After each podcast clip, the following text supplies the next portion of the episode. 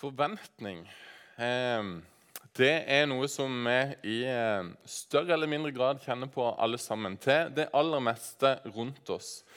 Det kan være store eller små forventninger, det kan være både positive og negative forventninger som vi har til andre mennesker, til noe som skal skje om noen dager eller noen, noen måneder. Til kanskje noe som skal skje på jobben. Eh, til utsiktene for at noen ting skal endre seg, og gjerne til Jesus. Forventning det er en sterk tro på at noe eh, skal komme til å skje og bli en realitet. Eh, og forventninger preger oss sannsynligvis mye mer enn eh, det vi tror og tenker over sjøl. Vi tar våre valg, vi gjør ting basert på våre forventninger.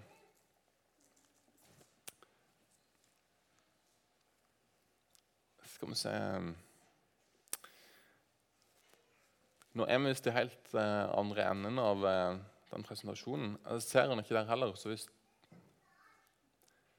Er det mulig at jeg kan se den? Å nei. Yes. Uh, da fortsetter vi sånn. Så skal jeg prøve å Og disiplene de levde i en virkelighet der okkupasjonsmakta, det veldig romerske imperiet, lå tungt over folket, undertrykte folket. og Lengselen etter det å oppleve og kjenne på frihet det var noe som prega både disiplene og resten av folket på Jesu tid. Og Da hadde det skjedd mange forsøk på opprør eh, som hadde blitt brutalt slått ned. Og så skjer det. Jesus han trer inn i disiplene sine liv og i veldig mange andre sitt liv i Israel.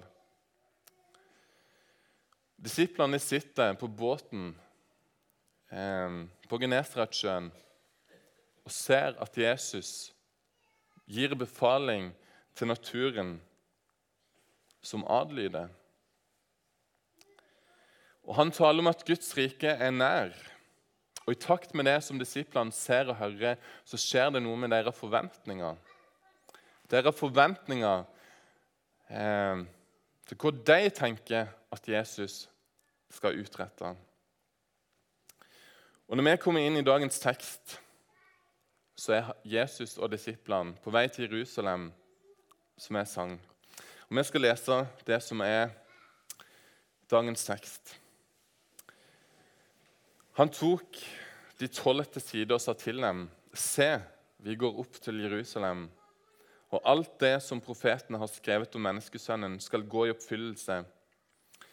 Han skal overgis til hedningene og bli hånt og mishandla og spytta på, og de skal piske ham og slå ham i hjel. Og den tredje dagen skal han stå opp. Men de skjønte ikke noe av dette. Meningen var skjult for dem, og de forsto ikke det han sa.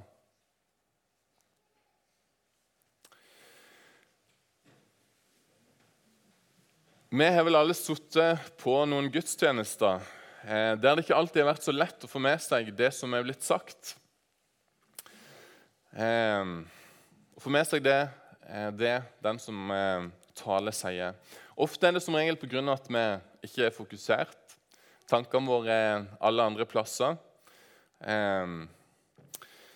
På sidemannen, eller hvor barna springer rundt, eller hva som skal skje etter møtet.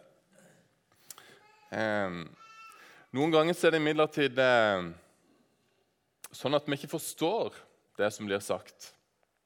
Jeg har i alle fall vært der noen ganger og tenkt det, hva var det egentlig han mente med det han sa nå. Og Når vi leser det som Jesus sier til disiplene, så er det av og til jeg undrer meg litt over det Jesus svarer disiplene. Av og til så virker det som at han svarer på noe helt annet enn det disiplene spør han om. Eller de kommer med et konkret spørsmål, og så får de gjerne en lignelse i svar i stedet. Eh, det kan være ganske underlig, rett og slett ganske vanskelig å forstå. Jeg tenkte å komme litt tilbake igjen til det, men, men først litt om det første som står her. Se, vi går opp til Jerusalem. I et av de andre evangeliene så står det at Jesus gikk foran disippelflokken og de andre som fulgte med. Eh, og Han gikk med et alvor, noe som gjorde at eh, folk var oppskaka. De som fulgte etter, var redde. Det lå noe uvanlig i lufta denne dagen som ingen helt forsto, men som alle kjente på. Sannsynligvis var dette ganske kort tid etter at Jesus hadde vekt Lasarus opp fra de døde. og Det hadde ledet til et møte i Sanhedrin, som var jødenes høyeste domstol. Da ble det slått fast at Jesus han måtte tas til fange, og han måtte bli tatt livet av. Og det Ryktet om det hadde blitt eh, kjent. Så Jesus og disiplene hadde egentlig trukket seg tilbake til et sted som heter Efraim. Eh, og Så tilbrakte han tida si der sammen med disiplene, de som senere skulle sendes ut til alle verdens ender. Men nå gikk de der på veien opp mot Jerusalem med Jesus foran seg. Drapstruslene lå i lufta. Så de altså trukket seg først tilbake, og nå går de rett mot fienden. Og Det er lett å forstå at disiplene var litt oppskaka over situasjonen. Hva er det som kommer nå? Blir det krig? Blir det starten på slutten for romeren? Kanskje var det noe av det de gikk der og forventa. Da er det at Jesus sier menneskesønnen, som han ofte bruker når han omtaler seg sjøl, skal bli overgitt til hedningene, håna, mishandla og spytta på. De skal piske han og slå han i hjel, og den tredje dagen skal han stå opp. Rett på sak, konkret, brutalt. Profetiene som Jesus henviser til, står det om flere plasser. En flokk av voldsmenn omringer meg, de gjennomborer mine hender og føtter. Hvert bein i kroppen kan jeg telle. De stirrer, de ser på meg. De deler klærne mine mellom seg og kaster lodd om kappa. Står det bl.a. i Salme 22. Men disiplene skjønte ikke noe av dette.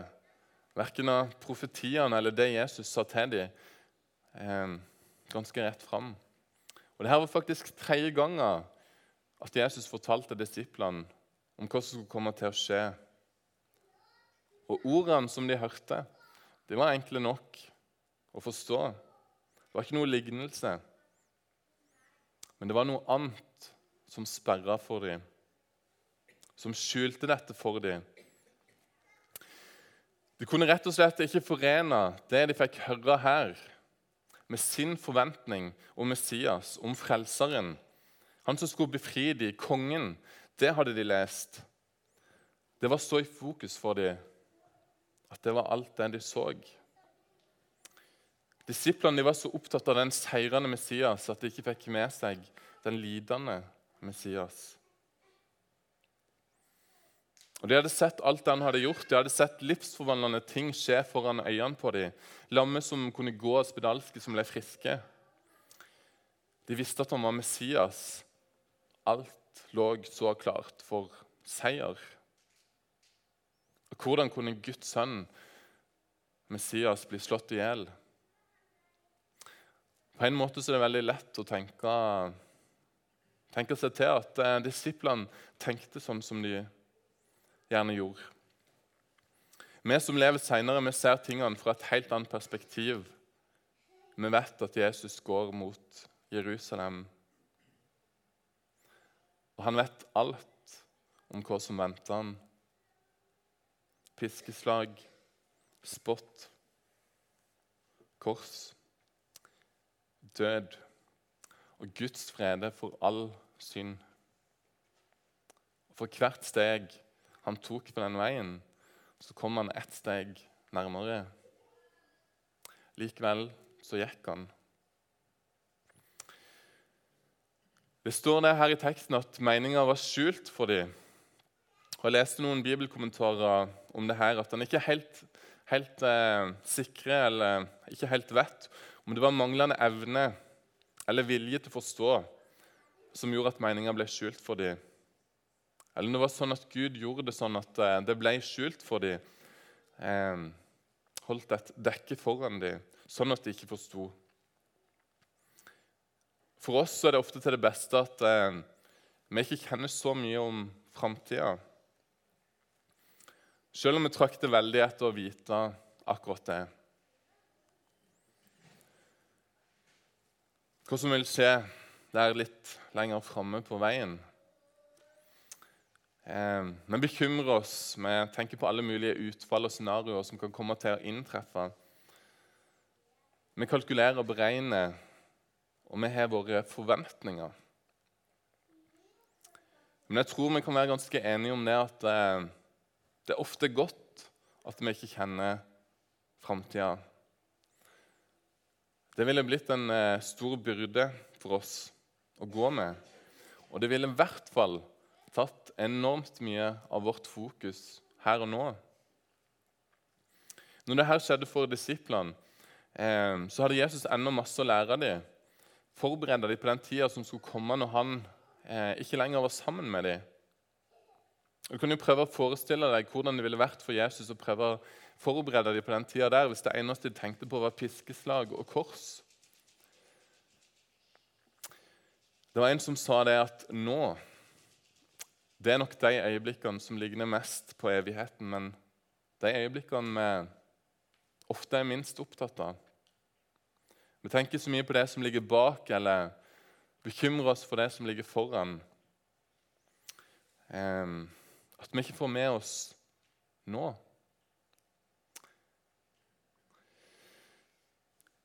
Med bare ord her så kunne ikke Jesus få dem til å forstå det han fortalte.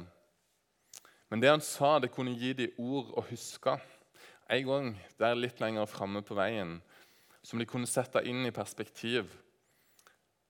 Lenge etter han hadde dødd og stått opp igjen.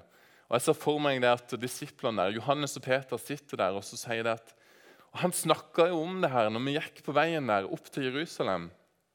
Da forsto de da så de. Og Sånn er det gjerne òg for eh, oss i en del ting. Vi forstår det bare når vi ser tilbake, og ikke her og nå, når vi står midt i det. I alle fall det her tingene som de ikke klarte å sette sammen. Eh, profetiene om Jesus som lider, med profetiene om Jesus som seierherre og den oppstandende. Der de hadde så store tanker om at han skulle være konge i Israel, at de ikke så at han kom for å dø for en verden med syndere. Når de ikke kunne forstå det her om lidelse og død, så kunne de åpenbart ikke forstå det her om oppstandelse og liv heller. Men går du litt lenger fram, så gir det mening. Men han ble såra for våre overtredelser, knust for våre misgjerninger. Straffa lå på ham for at vi skulle ha fred. Og hvis han sår, har vi fått legedom. Nå gir det den dypeste og viktigste meninga av alt. Og vi vil. Og Det begynner med det å se at eh, vi kommer til kort. Av og til så, så tror jeg at vi kan gå litt i den samme fella som eh, disiplene. Vi leser en del av Bibelen, eller vårt fokus, våre forventninger ligger til noe av det som står der. Kanskje det vi mest vil ha. Eh, ikke alltid så mye om at vi kommer til kort, om, om min synd.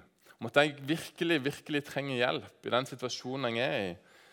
Eh, at det ikke det bare var noe som skjedde den gangen jeg ble kristen.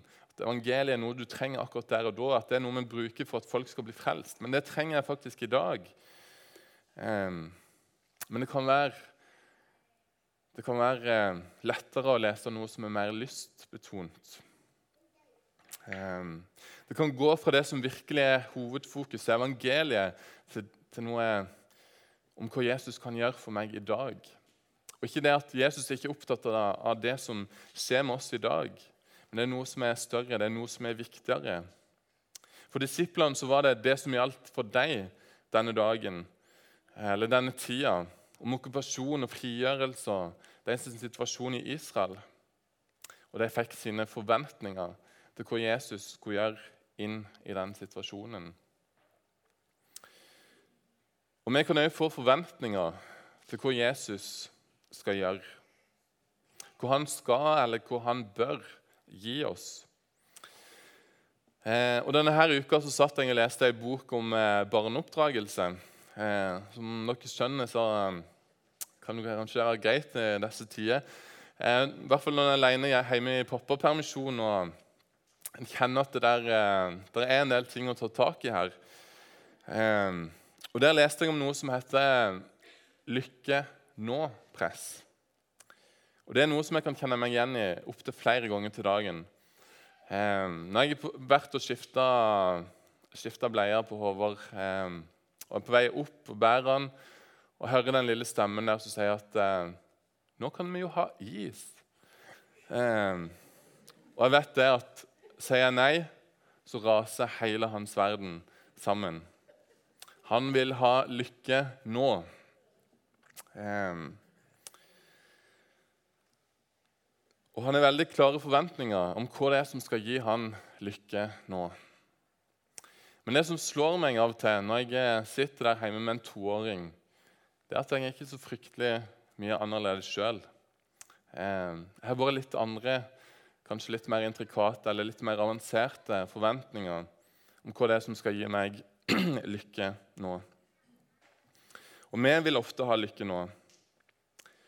Um, og vi har ofte ganske klare forventninger om hva det er som vil gi oss lykke akkurat nå. Jeg vil i alle fall ikke ha lidelse. Spar meg for det. Um, og Når jeg ber, så tar det veldig um, ofte form av noe som man kan kalle klare forventninger til Jesus. Eller i alle fall ganske klare håp i en bestemt retning. Og vi kan be om alt. Um, det er fantastisk. Men jeg erfarer i alle fall det at eh, bønnene mine veldig sjelden blir etterfulgt av Men la din vilje skje. Um, og det at Håvard ikke får et liv fylt av is, eller at jeg opplever et liv eh, med lidelse, med motgang og vanskelige ting, det gjør noe, det gjør noe med oss. Um, for et liv som hadde vært fylt av is fra du var to år, eller et liv som var totalt skjerma for motgang og lidelse, det ville ikke vært eh, godt. I alle fall ikke i dette livet. Så kommer det en himmel der og Da tror jeg det blir is og i alle fall ingen lidelse. Men i dette livet her Et liv på stranda i hengekøya gjennom hele livet uten all denne motgangen Hvem hadde det gjort meg til? Og kanskje enda mer hva hadde det gjort med mitt forhold til, til Jesus?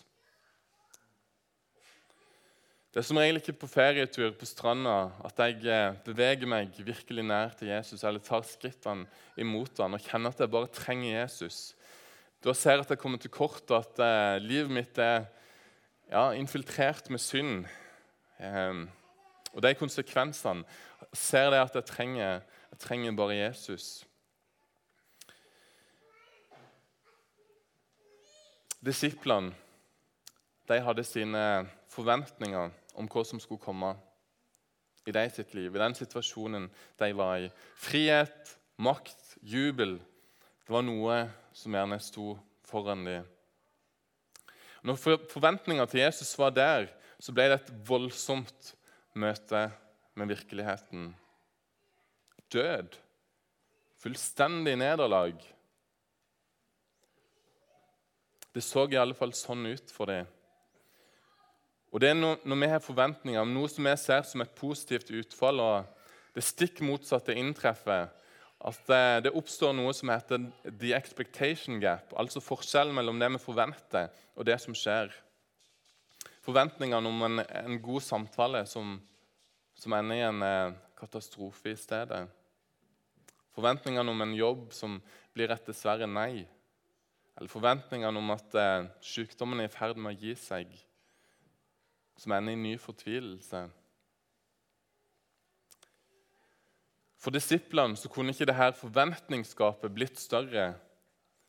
Fra håp om seier og romerens definitive nederlag i landet utkastelse av Jerusalem, til at romerne stakk spydet i en død Jesus.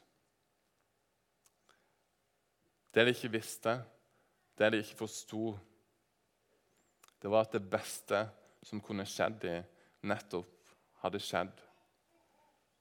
Jesus hadde sona deg sin synd.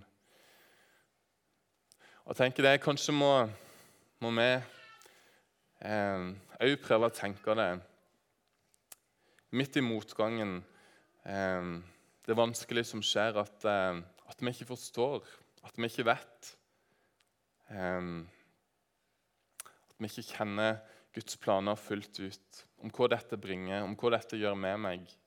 Eh, jeg tenker, jeg tenker på det at jeg kunne prøvd å forklare Tove dette her med is og konsekvensene. og ja, Lagt ut eh, i detalj om hvorfor og hvorfor og alt. Han ville ikke forstått et bær av det. Eh, men kanskje kan jeg ha et håp om han stoler på at jeg, jeg vil han vel, eh, ut ifra det han ellers erfarer. Jeg tror sånn, sånn, er det for Gud noen ganger i forhold til oss. Eh, men tilbake til det som virkelig eh, vi kunne ha forventning til. Eh, det aller største. Eh, og Da har jeg lyst til å fortelle dere en historie som jeg hørte her for noen år siden. På, på, eh, etter nattverdelen på et møte. Jeg husker ikke hvem han var, han som gikk opp, men han var en eldre mann. Um, og Noen av dere har hørt den før, men dere får høre den igjen. Um, det var med en gutt som eh, sto og lekte sammen med noen kamerater. Eh, og drev og kasta på stein. og Så skjedde det skjebnesvangre at uh, en av steinene uh, fløy gjennom vinduet på butikken der de lekte. Glassbitene singla i asfalten, og kameratene så på han. Han sto der først stiv av skrekk over det som hadde skjedd. Og Så begynte han å springe, og han sprang og sprang innover i skogen. Og eh, Ofte ser vi nok noen av hver som han her gutten som springer, eller som frykter for konsekvensene. Kanskje står vi der i frykt og tenker hva de må komme til å betale. Kanskje løper vi, om ikke fysisk, så mentalt flykter vi Kameratene til denne gutten det gikk etter hvert og um, fortalte til foreldrene hans at, uh, at han hadde løpt innover i skogen. og um, De gikk ut for å lete, og de fikk med seg andre folk for å gå og lete. Timene det gikk, de fant ikke gutten. Um, men de fortsatte å lete, og til slutt var det faren så han sittende på en stein inne i skogen, åpenbart redd. Og Så møter han blikket til gutten sin så går han mot ham, og så sier han det. 'Jeg har betalt.' Jeg har betalt. Og det er en som kan si til deg 'Jeg har betalt'. Som ingen andre kan si det. 'Jeg har betalt alt'.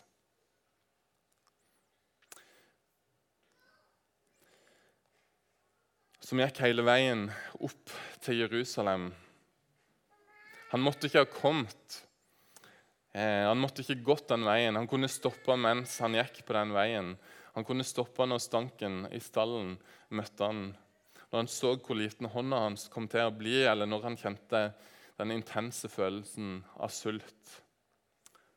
Han kunne stoppe når den første spottende kommentaren kom, eller når han fikk den første knyttneven i ansiktet fra nabogutten.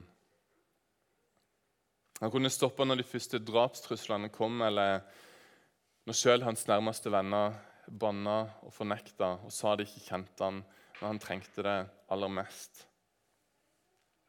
Han kunne stoppe når romerske soldater tok tak i hånda hans. På et hvilket som helst tidspunkt kunne Jesus sagt det at eh, det blir med det her. Nå har jeg fått nok. Men han er den som er kjærlighet. Og kjærligheten, den utholder alt. Og han kom fordi den var større enn smerten med det han måtte gå gjennom. Der din verden hadde rast fullstendig sammen i et kaos av synd og håpløshet, så kom han for å trekke deg ut fra dine kjipe hemmeligheter og de synd, fra en evig håpløshet. Han som vet alt, og som kjenner deg på ditt aller verste.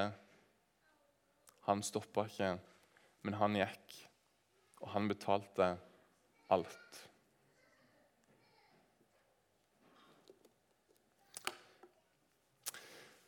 Kjære Gud, takk for at eh, du tok stegene opp til Jerusalem. Takk for at du gikk hele veien eh, til korset. Eh, og du gikk der med hver og en av oss som sitter her inne i dag, i tankene. Eh, takk for at du kjenner oss på vårt aller verste. Du vet om eh, ting som ingen andre vet om oss, og du vet eh, at vi stadig svikter deg. Eh, Takk for at du elsker med en kjærlighet som nesten er uforståelig. Eh, for at du eh, har oss i ditt hjerte. Eh, for at ditt høyeste ønske er at vi skal komme hjem til himmelen, til evigheten sammen med deg. Ser du at det er mye som skjer i livene våre. Mye vanskelig og mye lidelse og mye motgang er noe som eh, møter oss. Eh, jeg ber om at eh, du må være med oss i det, og at vi må midt i det kunne få stole på at eh, du har kontrollen. Eh, at vi kan, kan hvile i at du har en plan over våre liv. Og Der står det at målet, målet er himmelen. Så ber jeg om at du må ja, hjelp oss til å, å dele de her nyhetene med folk som ikke kjenner det, som vi treffer i hverdagen, som vi møter på jobb eller i nabolagene våre. De trenger deg, og um, hjelp oss til å være vitner for deg. I Jesu navn. Amen.